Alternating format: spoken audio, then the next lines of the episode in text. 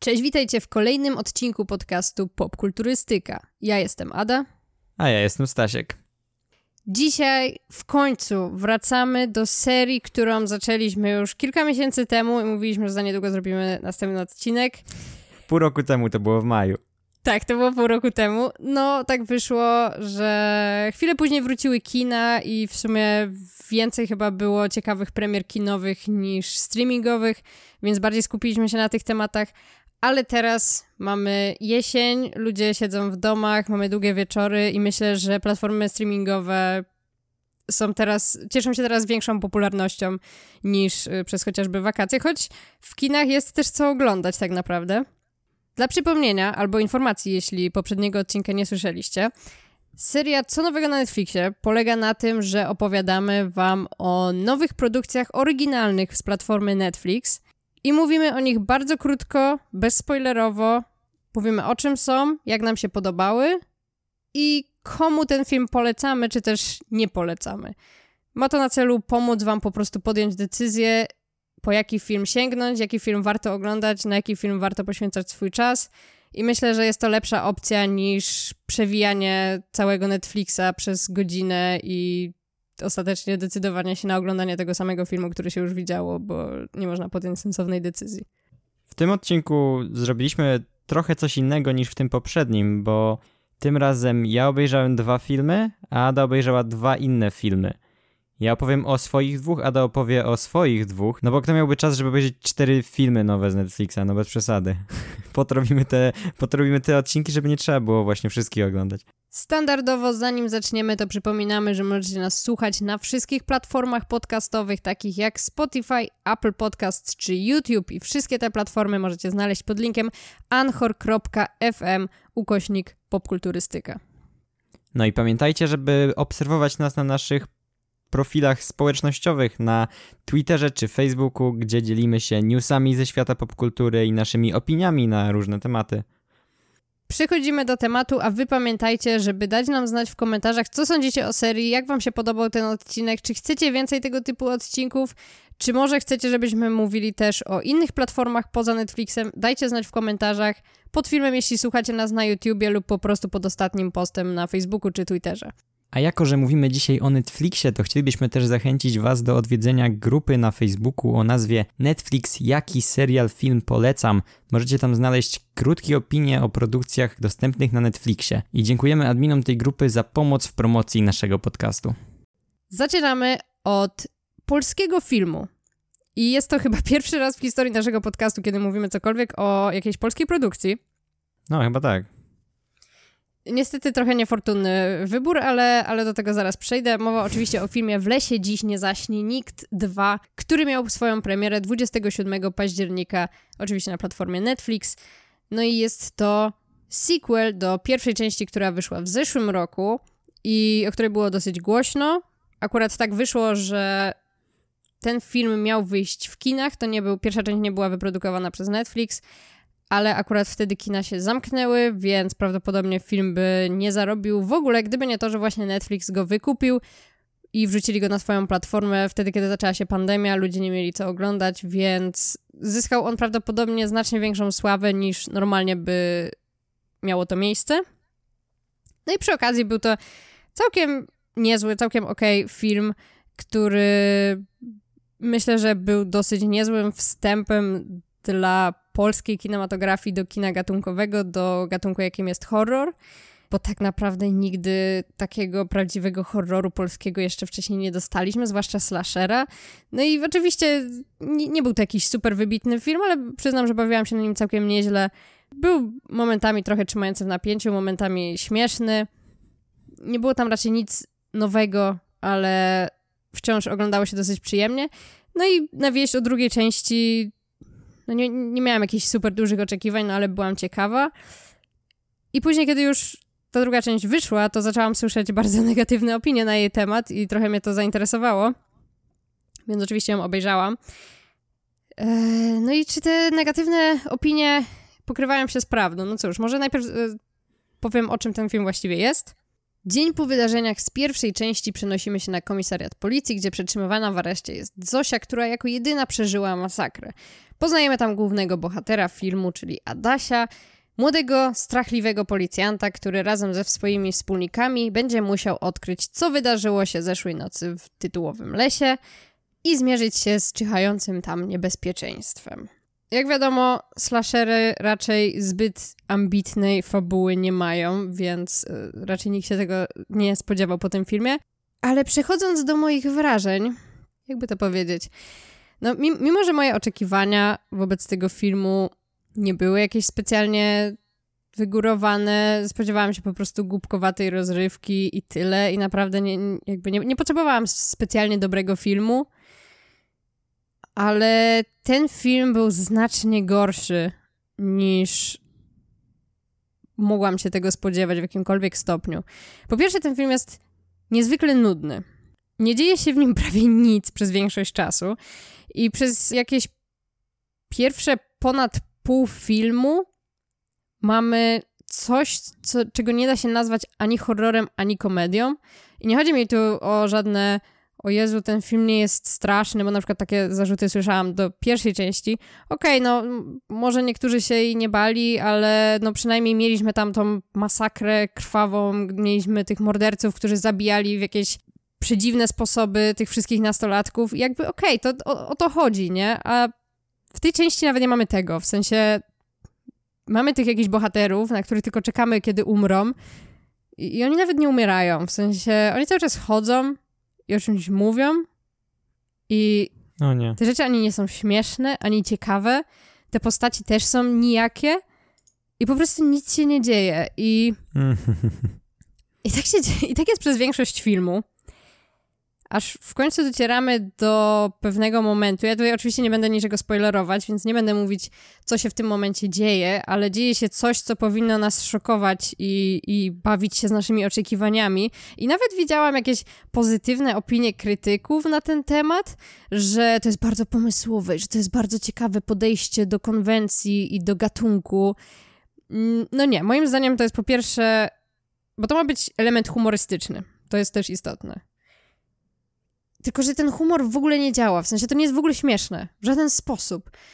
I dodatkowo to, że te postaci są tak bardzo nielubialne, w sensie, że nie da się ich po prostu lubić, bo są takie nijakie, to sprawia, że po prostu ten film zaczyna wtedy męczyć jeszcze bardziej niż męczył wcześniej i po prostu czeka się do samego końca. Przyznam się całkowicie szczerze, że ostatnie 15 minut to już nawet nie oglądałam tego filmu tak do końca, tylko zerkałam na to, co się dzieje i zaczęłam się bawić telefonem, czego ja zazwyczaj nie robię absolutnie nigdy oglądając filmy, więc to, to jest jakby z mojej strony e, świadczy o tym, jak bardzo słaby jest to film. Okropny, nie polecam nikomu. Było parę momentów na samym początku, które, które mnie trochę rozbawiły. Nawet się parę razy zaśmiałam przez jakieś pierwsze 10 minut filmu. Y, bawiło mnie na przykład to, jak pokazane jest w tym filmie Polska, że to wygląda jak jakiś taki post-apo Rosja, jakieś takie straszne zadupie. Nie Trochę wiem. tak. No, strasznie mnie to bawiło, ale no, no tak jak mówię, ja, ja, nie nastawiałam się na nic specjalnie dobrego ani ambitnego, ale to, co dostałam, było znacznie gorsze niż mogłam sobie to wyobrażać. Nie polecam tego filmu nikomu. Chyba, że ewentualnie chcecie włączyć jakiś film na imprezie, żeby leciał i nie wiem, pijemy za każdym razem, jak jest nudne i, i pijecie cały czas. to, to może, może w takim wypadku mógłby się, ale to nawet nie jest jeden z tych filmów, który jest tak zły, że aż dobry. Nie, to, to, to w No właśnie, jakby... ja po, po, opiniach trochę liczyłem, że to może być taki film. Jak ja też, ja się słyszałem, jak bardzo zły on jest i w połączeniu z tym slasherem i tak dalej, to liczyłem trochę, że przynajmniej wartość będzie taka, że będzie tak zły, że będzie aż bawił przez to.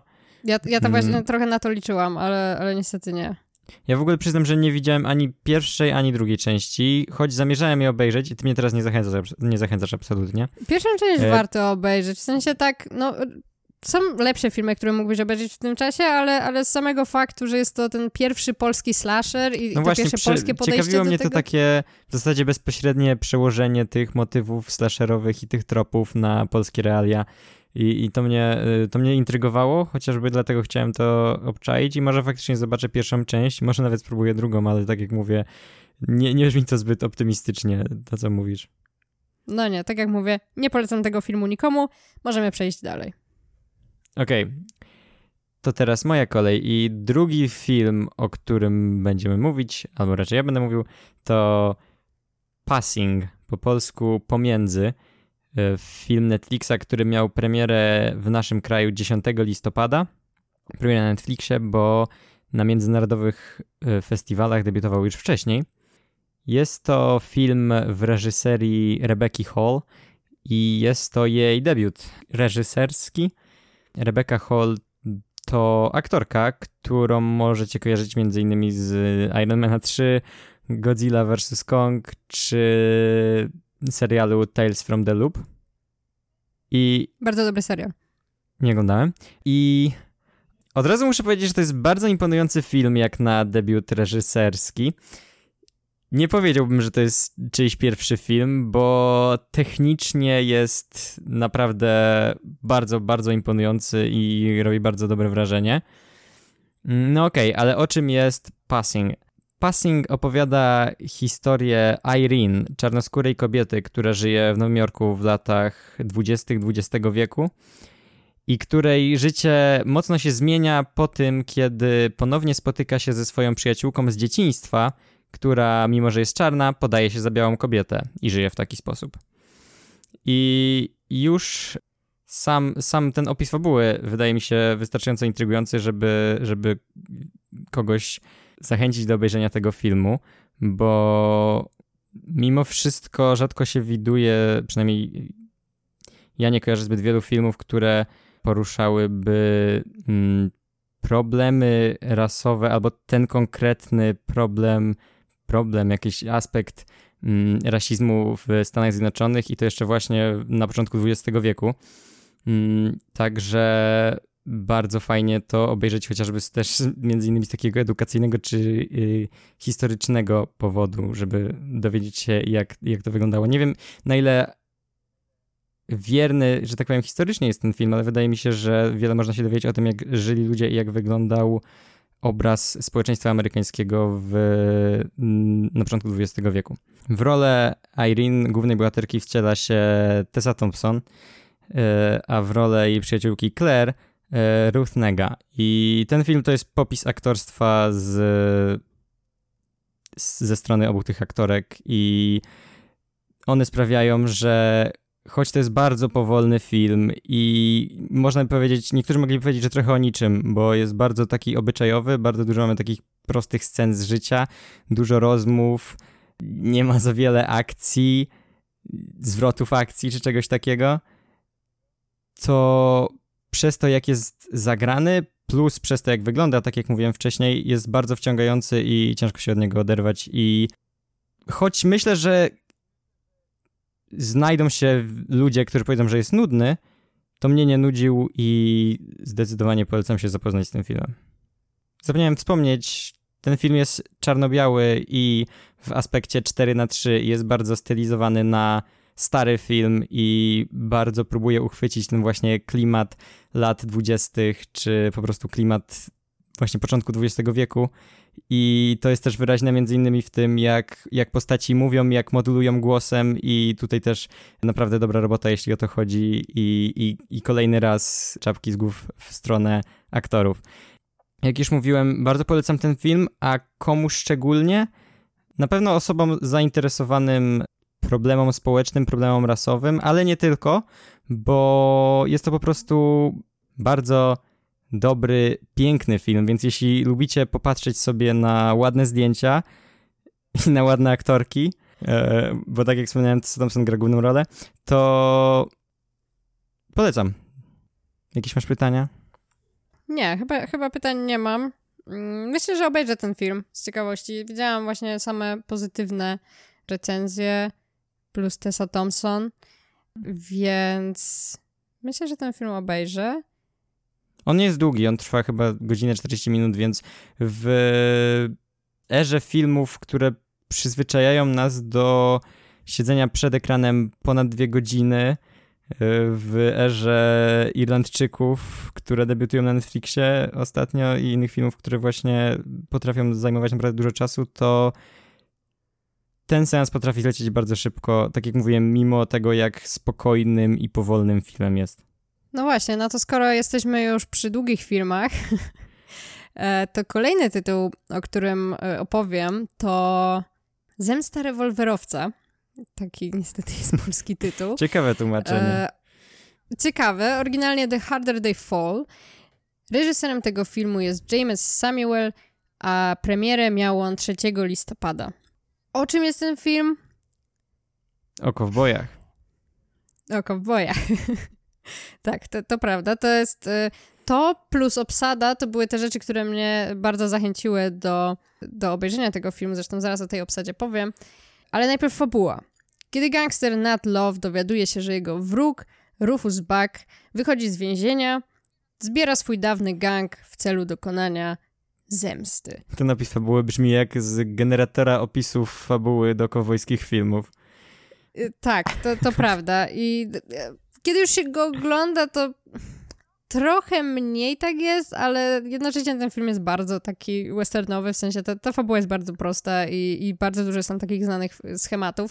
No ale właśnie, to co istotne, to obsada, bo mamy tutaj same znane nazwiska tak naprawdę. W rolach głównych Jonathan Majors i Idris Elba, ale mamy też tutaj Zazie Beats, Regina King, Lucky Stanfield, no po prostu same znane nazwiska i to mnie bardzo do tego filmu zachęciło. Ostatecznie po obejrzeniu go stwierdzam, że nie jest to do końca wykorzystany potencjał tych aktorów. Widać, że większość z nich nie przykładała do tych ról tak dużego zaangażowania, powiedzmy, mhm. w, w aktorstwo, jak w innych filmach, jakby nie, nie dali z siebie po prostu wszystkiego, na co ich stać, moim zdaniem. Niektórzy, na przykład Idris Elba, takie wrażenie odniosłam. Nie postarał się tak bardzo, jak na e, przykład w Kotach.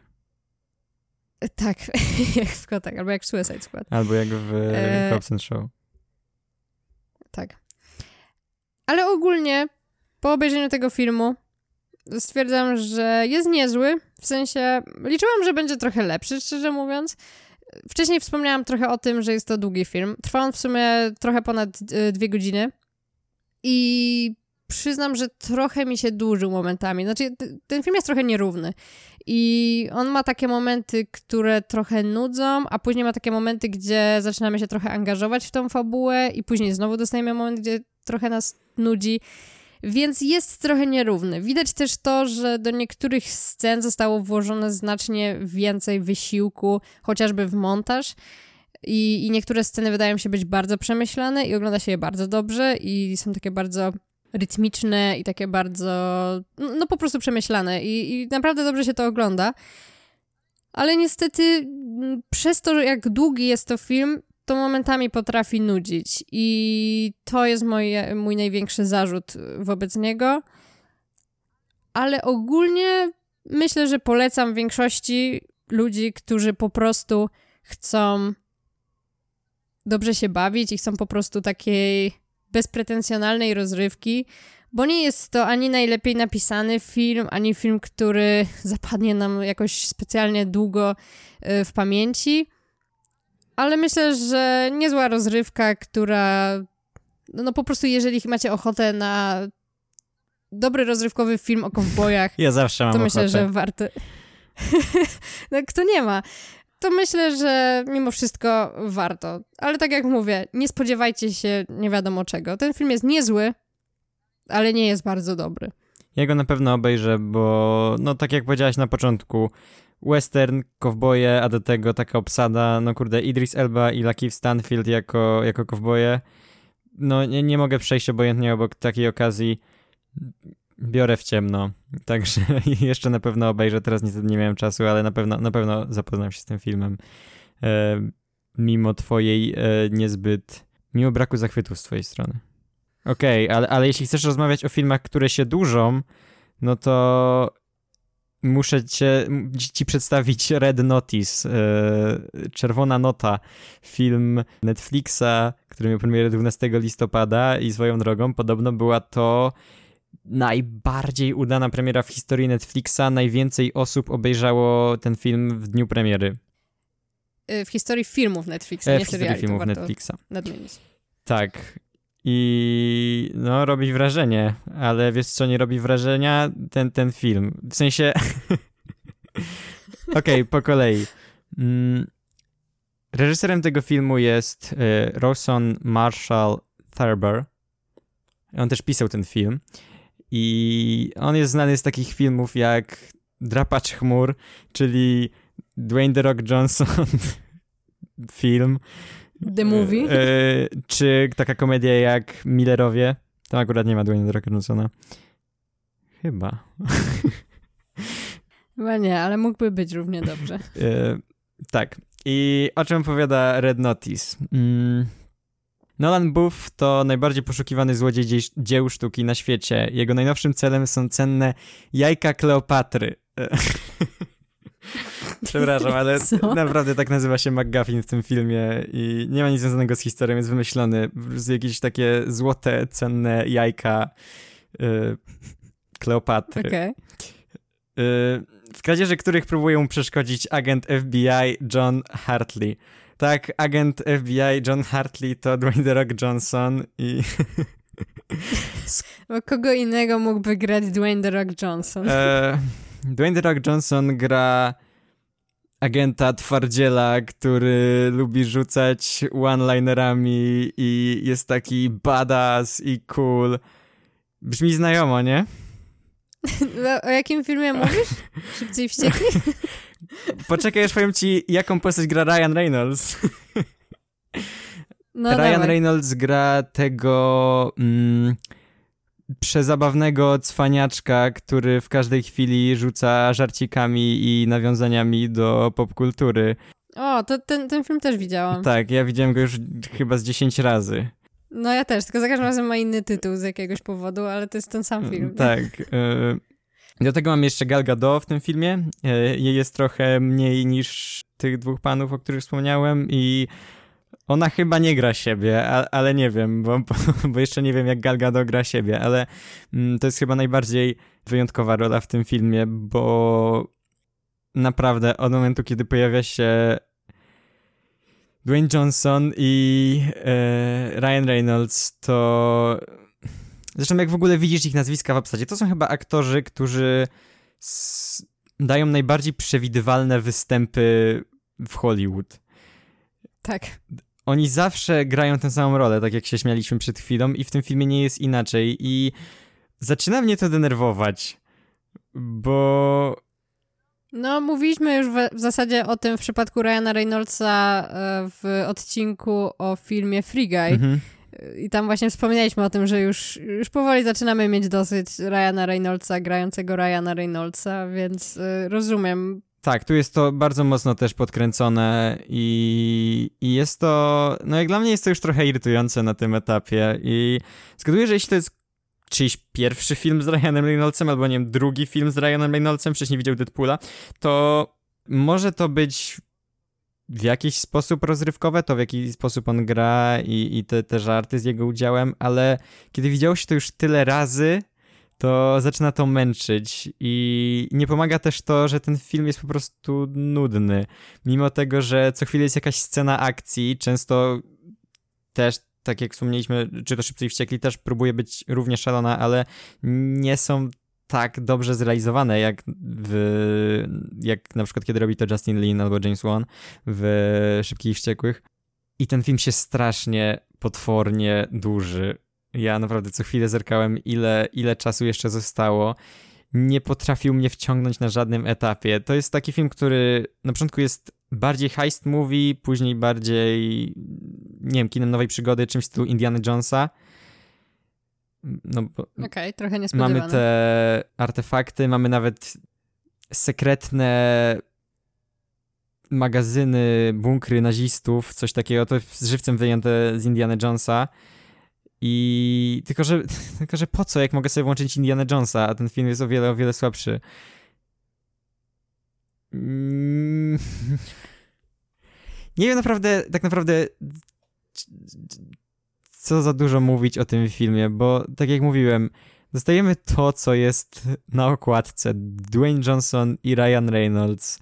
I tak przez ponad dwie godziny. I nie dostajemy ani żadnej fajnej realizacji przy tym, ani, nie wiem, pomysłowych zdjęć, ani jakiegoś ciekawego twistu. Są plot twisty oczywiście, bo muszą być i takie, które wywracają wszystko do góry nogami, tylko że no, co z tego, skoro w te plot twisty są zaangażowani Dwayne Rock Johnson i Ryan Reynolds po raz dziesiąty tacy sami, a nie jakieś fajne nowe postaci, które moglibyśmy polubić.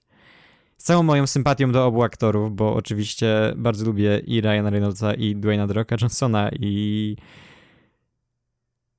rozumiem czemu w ogóle ktoś postanowił zrobić taki film i, i, i, to jest strzał w dziesiątkę, jeśli faktycznie oglądalność jest taka dobra, no bo jak ludzie widzą te dwa nazwiska, no to, to jest akcyjniakowy święty graal, te, te dwa nazwiska obok siebie, ale nie, nie, nie kupił mnie absolutnie i nie polecam raczej, chyba że bardzo lubicie Dwayna The Rocka Johnsona albo Ryana Reynoldsa, a jak obu, to będziecie zachwyceni, jeśli jeszcze was to nie zmęczyło. Ale ogólnie raczej bardzo średni film. Nie powiem, że jest bardzo zły czy coś takiego. Nudził mnie, bo jest po prostu takim średniakiem, jest przeciętny. Niczym nie zaskakuje, niczym nie zachwyca. Dostaje się to, czego się spodziewało, tylko że nudne. Okej, okay, no to to jest mniej więcej to, czego się obawiałam po tym filmie. Raczej nie będę go oglądać, bo mimo, że jak zobaczyłam wczoraj chyba fragment filmu, który mi się wyświetlił na Netflixie, to tak sobie pomyślałam, że w sumie to, to jest taki film, który mogłabym sobie obejrzeć tak w ramach takiego odmurzacza, po prostu takiego akcyjniaka, ale, ale chyba jednak te rzeczy, o których powiedziałeś, właśnie ci, ci dwaj aktorzy, którzy grają siebie po raz setny, to jest chyba jednak coś, co mnie zdecydowanie zniechęca do obejrzenia. Hmm, no mówię, filmu. może gdybym nie widział już tego filmu kilkukrotnie, to byłby właśnie fajnym takim filmem, żeby sobie po prostu włączyć i popatrzeć na sceny akcji i wybuchy, ale... Okej, okay, czyli w sumie polecasz ten film wiernym fanom tych dwóch aktorów oraz ludziom, którzy nie widzieli ani tak. jednego filmu z tymi aktorami. tak, to, to właśnie te dwie skrajności tutaj myślę, że, że, że to się wpasuje. Jeśli nie oglądaliście Szybkich i Wściekłych, ale zawsze chcieliście, to lepiej obejrzeć Szybkich i Wściekłych. Ale, ale myślę, że ten film może dostarczyć y, podobne wrażenia, tylko na trochę niższym poziomie. To byłoby na tyle z naszych dzisiejszych polecajek i niepolecajek Netflixowych. Pamiętajcie, żeby dać znać w komentarzach, co sądzicie o takiej serii.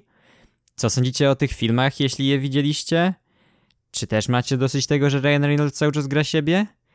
I czy może chcielibyście, żebyśmy coś zmienili w tej serii? Może uwzględnili więcej platform streamingowych? Może zmienili to na co nowego streamingu?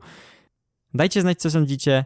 I pamiętajcie, że możecie nas słuchać na wszystkich platformach podcastowych, takich jak YouTube, Apple Podcast czy Spotify, a listę wszystkich miejsc, w których możecie nas słuchać, znajdziecie na anchor.fm ukośnik popkulturystyka. No i jeśli chcecie być na bieżąco, to zachęcamy także do obserwowania nas na naszych platformach społecznościowych takich jak Facebook czy Twitter. Jeśli słuchacie nas na Spotify, to zerknijcie w opis tego odcinka. Możliwe, że zrobimy tam jakąś ankietę albo zadamy Wam jakieś pytanie do odpowiedzenia.